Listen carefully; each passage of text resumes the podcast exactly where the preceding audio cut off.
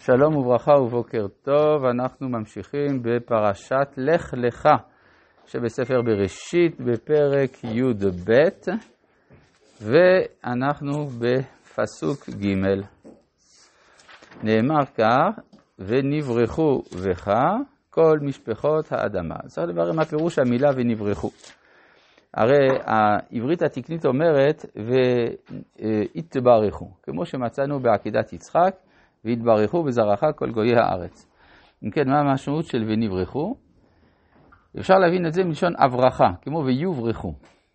מה זה הברכה? הברכה היא פעולה חקלאית, שבה אנחנו לוקחים זמורה אחת מן הגפן, וכיוון שהזמורה היא אלסטית, אפשר לכופף אותה ולקבור אותה באדמה. וכשקוברים את הזמורה, את ראש הזמורה באדמה, יוצא, יוצאים משם שורשים חדשים ועולה גפן חדשה. אז אם ככה, יוצא שכל האומות משולות לגפנים, ואברהם משול לאדמה. ונברחו בך. ואז מתוך החיבור של כל העמים, צומחת גפן חדשה שהיא כוללת את כולם. זה מתקרב לדברי מניטו שהסביר מה זה ונברחו, מה זה אשר בחר בנו מכל העמים, שלקח מכל עם קצת ועשה מזה עם ישראל. כן, או כמו שהרב קוק אומר, שהחיבור בין הידיעה האלוהית לידיעה הלאומית עולה דרך האנושות, מן האנושות כולה דרך עם ישראל. אז ונברחו בך, זאת ההברכה. האמת היא שהגמרא במסכת יבמות אומרת את זה במפורש, אמר רבי אליעזר, מה זה ונברחו? שתי בריחות טובות יש לי להבריך בך, והם רות המואביה ונעמה העמונית.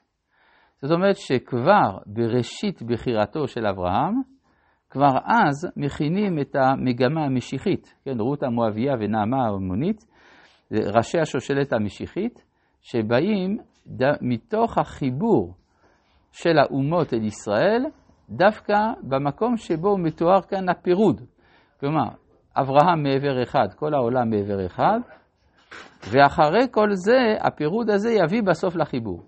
זה משמעות ש"ונברחו בך" כל משפחות האדמה. טוב, אז לפי מה שלמדנו עד עכשיו, ראינו שאברהם נצטווה ללכת לבד. נשאלת השאלה, האם הוא עשה את מה שאמרו לו, או שלא? אני חושב שהוא עשה את זה. כן?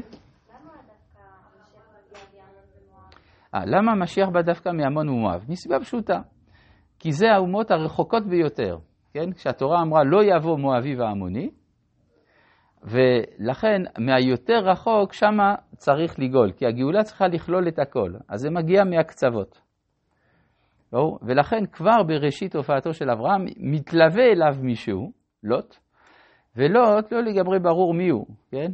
לוט אה, זה קללה בארמית, מקולל, אבל זה גם מה שמכוסה. ולוט בגמטריה אדם, אז אנחנו לא יודעים, הוא אדם או מקולל, או משהו באמצע. אה, אז אם ככה עולה שוב השאלה, האם אברהם עשה את מה שהקדוש ברוך הוא אמר לו לעשות? כלומר, האם הוא באמת הלך לבדו או שלא? אברהם בוודאי שלא יעבור על דבר השם, אז הוא עשה מה שהשם אמר לו. איך אני יודע? כתוב בפסוק ד' וילך אברהם כאשר דיבר אליו השם.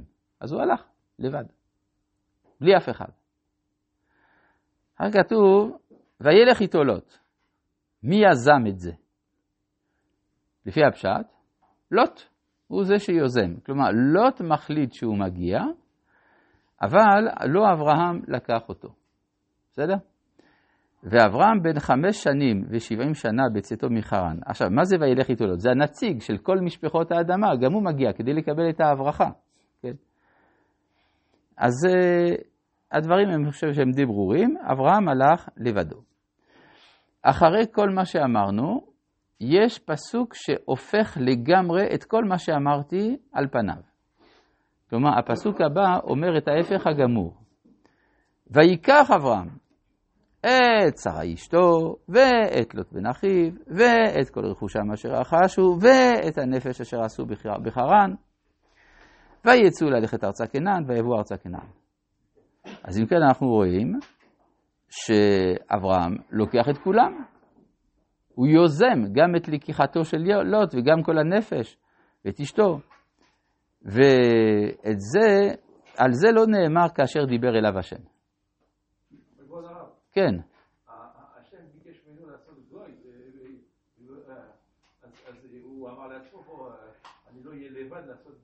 למה לא? כן, אבל הוא אמר לו, לך לך, לך לבד. אז לכן חייבים להגיד שהוא הלך פעמיים. פעם ראשונה הוא הלך כדי לקיים את הייעוד האלוהי של הקמת האומה, והפעם השנייה הוא הולך כדי להמשיך את הפרויקט הקודם. הוא רוצה לצרף את שתי התוכניות ביחד. ולכן גם אנחנו רואים שיש הבדל ב, ביעד של ההליכה. בפרויקט הראשון נאמר, אל הארץ אשר אראך, זה פתוח לגמרי, אתה לא יודע לאן אתה הולך אפילו. בפעם השנייה הוא יודע בדיוק לאן הוא רוצה ללכת, הוא רוצה להגיע לארץ כנען. בעצם אפשר לומר שפסוק ה' הוא המשך של ההליכה של תרח. הוא ממשיך את התוכנית של תרח איפה שהיא נפסקה. הוא לוקח את כולם, כי תרח רצה להגיע לארץ כנען. אז גם אברהם רוצה להגיע לארץ כנען. זה המשך של הרעיון, אם כן, הקוסמופוליטי הקודם. אז... שאני לא, לא כן. הבנתי מדבר הרב. הלו, אם אנחנו רוצים לבנות משפחות אדם, כן. צריך שיהיה איזשהו אה, מחנה משותף מכל הגויים, כדי ש- שיצא אה, אה, אה, איזושהי תוכנית עולמית. ל- ל- אז למה צריך גוי בכלל? רגע, למה צריך להקים גוי? כן, כי לכאורה זה בסדר, אם הרצון זה לאחד כל המשפחות, אבל- אז- אז מה- מה מה עושה העניין שהוא דווקא בעיה אה, לאומי, בעיה של מלחמות, בעיה בין... אה, כן, הבנתי. כן, אז לפי מה שהסברנו זה ככה. הגוי זה מרכז שיש לו עוצמה. כלומר, אם אתה רוצה לרכז אה, פעילו, פעילויות שונות או יוזמות שונות, צריך שמסביב, ש, שבמרכז של כל, ה, של כל היוזמות יה- יהיה משהו שיש לו כוח של מנוע. ולכן הוא צריך להיות קצת יותר חזק מהאחרים. ולכן הוא צריך להיות גוי ולא משפחות. כי אם לא, אז יהיה רק מחנה משותף, במקום שיהיה מכנה משותף. כן. אז זה, זה, ה- זה העניין. עכשיו, זה אומר שבהתחלה הוא צריך להיבדל, כן? כלומר, כשאתה רוצה לבנות אה, בתוך מכונה, בואו ניקח משל פשוט, איזה חלק מיוחד, אז יש מעבדה מיוחדת לאותו החלק. אחר כך אתה מצרף אליו את כל שאר החלקים. כן, אז זאת אומרת שאברהם כאן רוצה לצאת פעמיים, בפעם השנייה לא נאמר כאשר דיבר אליו השם. בפעם הראשונה הוא הגיע, הוא, הוא יצא לבדו. ו... אבל הקדוש ברוך הוא לא אמר לו, אל תחזור. אז הוא הלך וחזר. הוא עשה משהו שהתורה לא, לא מספרת לנו. האמת היא, הנציב מוולוז'ין הלך כמעט בדרך שלנו. הוא אומר שאברהם התחיל ללכת לבד, ואז האחרים אמרו לו, היי, רגע, תחכה לנו. ואז הוא לקח אותם. כן? אבל זה גם כן, התנועה הכפולה הזאת, אני לא יודע בדיוק מה הוא עשה, כן?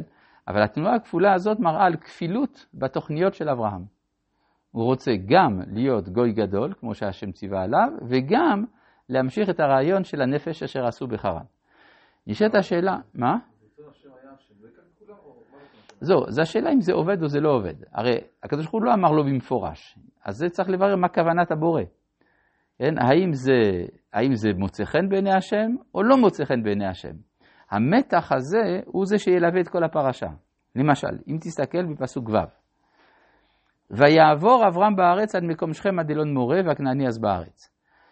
וכמה כמה- מה המרחק בין חרן לבין שכם? אלף קילומטרים. אלף קילומטרים באותו, באותם הימים ללכת עם קבוצה שלמה זה לא הולך כל כך פשוט.